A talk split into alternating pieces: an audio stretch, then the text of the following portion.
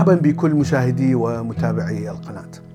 في هذه الحلقة آه، أحاول أن أكمل السلسلة التي بدأت أن تتكلم عن الوعي. ونحن تكلمنا عن كيفية نشوء الوعي كمراحل آه، أخلاقية في علم الاجتماع. اليوم آه، أحببت أن أتكلم عن الوعي من الناحية الفلسفية. هناك نظريات كثيرة تتكلم عن أو تحاول أن تفسر كيفية نشوء الوعي. آه، وهذه نظريات جديدة نسبيا يعني في القرن العشرين آه، أكثرها. النظريات تقول هناك ثلاث مراحل للوعي في التي نراها في حياتنا الآن. المرحلة الأولى هي ما تسمى بالايجنت أو العميل. هذه المرحلة تكون المنظومة أو يكون الكائن يتصرف بشكل تلقائي آه، اعتمادا على برمجة معينة يحملها داخله. بالضبط آه، مثل برامج الكمبيوتر بالضبط مثل آه، الخلايا البدائية مثلا البكتيريا التي لا تملك آه، الوعي المعقد الذي يجعلها تحلل مثلا خطوات مستقبلية. فمثلا عندما تحاول الخلية أن تلتهم طعام معين فالخلية يعني لا تتصرف بطريقة ان ان أن إذا كان هذا الطعام مثلا سموم فإذا يجب أن آه، أفحص السم في البداية آه، أو لا. هذا الشيء لا يحدث. آه، البكتيريا عندما تحاول أن تلتهم سموم ستموت ولا تحمل أي نوع من التفكير. فهذا يسمى ب الوعي التلقائي. فعليا هو ليس الوعي التي الذي نفهمه نحن بحيث الوعي الذي يفكر ويعي بوجوده. اذا هذا هو أقل أنواع الوعي آه، أو أقل مرحلة أو أول مرحلة في مراحل الوعي. المرحلة الثانية هي الوعي بوجود الكائن فقط. يعني هو يعي فقط الوجود آه، وجود النفس ووجود الكائنات الأخرى. أي مرحلة فوق هذا الوجود غير موجودة. وسأشرح ما معنى هذا عندما نتكلم عن المرحلة الثالثة؟ هذه المرحلة من الوعي آه، ربما كل أنواع الحيوانات آه، التي نراها الآن تقريبا كل اللبائن وهناك أنواع قليلة جدا من الطيور ومن اللبائن التي تعتبر ذكية جدا آه، تعتبر أكبر من هذا الوعي. لكن هذا الوعي يعني أن الكائن الحي عندما يحاول أن يلتهم هذا آه، السموم فلديه القدرة على آه، فحص هذه المادة فقط في البداية لأنه يعي بأنه كائن وسيموت. فإذا يعرف فكرة السم فإذا سوف يفحص هل هذا المادة سامة أو لا وبناء على هذا سوف يستمر. والمثال آخر الحيوانات المفترسة والفريسة نفسها مثلا القطط الكبيرة والغزلان.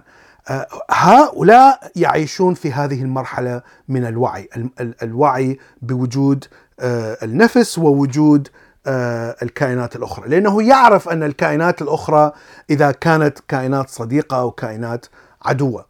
وهنا هذه المرحلة من الوعي تعتبر أفضل من آه، وعي التلقائي لأنه يعطيك فائدة إضافية لأنك فعليا سوف تحاول أن تبتعد عن المخاطر ودائما تحاول أن تبقى مع المجموعة التي آه، تكون آه، آمنة. المرحلة الثالثة هي مرحلة التفكير بشكل تكراري يسمى بالإنجليزي بالريكيرسيف بمعنى أنني عندما أنظر إلى شيء معين أو فاكهة معينة وأعتقد ممكن أن تكون هذه الفاكهة مثلا آه، فيها نوع من السموم فإذا يجب أن أفحص هذه السموم. فإذا هذه أول مرحلة من التفكير. قد أفكر أيضا بمرحلة أعلى من هذا. كيف؟ عندما أفكر أنه كيف تكون هذه هذه السموم ما هي كيميائية هذه السموم؟ وكيف تتحلل هذه الكيميائية داخل جسمي؟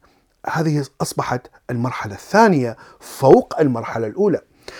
وممكن أن أفكر في مرحلة ثالثة بحيث آه، أحاول أن أعرف آه، كيف يتفاعل الجسم بشكل كيميائي مع هذه السموم. وكيف تذهب هذه السموم مثلا إلى الكبد؟ وكيف يصبح عندي مثلا تلف في الكبد؟ وما هي الأدوية التي أحتاجها حتى أستطيع أن أعالج هذه المشكلة في الكبد؟ إذا هذه أصبحت مرحلة ثالثة. هناك ممكن أن تكون مرحلة رابعة. كيف يعمل الكبد؟ وكيف يعمل الجسم بشكل دقيق أكثر؟ وممكن أن أعرف أن الكبد يتكون من خلايا. واذا أتعلم أن أن هذه الخلايا تتكون من مواد أساسية مثل النواة ميتوكوندريا. اذا ممكن أن أفكر أيضا بمرحلة أخرى وأخرى وأخرى إلى أن أصل إلى مرحلة معينة. بحيث يعني إذا إذا وصلت معرفتي ممكن أن أصل إلى معرفة الذرات ومن ثم الكواركس وكيف يتكون الذرات وتتكون الكواركس ومن ثم كيف يتكون الكون. فهذا ما تسمى بالتفكير الما نهاية المتكرر.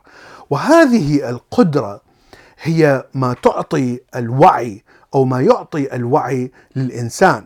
فهناك قسم من الحيوانات قليل طبعا قسم قليل من الحيوانات مثل الدولفين ونوع من الببغاء يحتوي على عدة مراحل من التفكير. طبعا ليس التفكير الملانهاية وليس التفكير المراحل التي يمتلكها الإنسان لأن الإنسان يمتلك المراحل التي تصل إلى الفكر المجرد.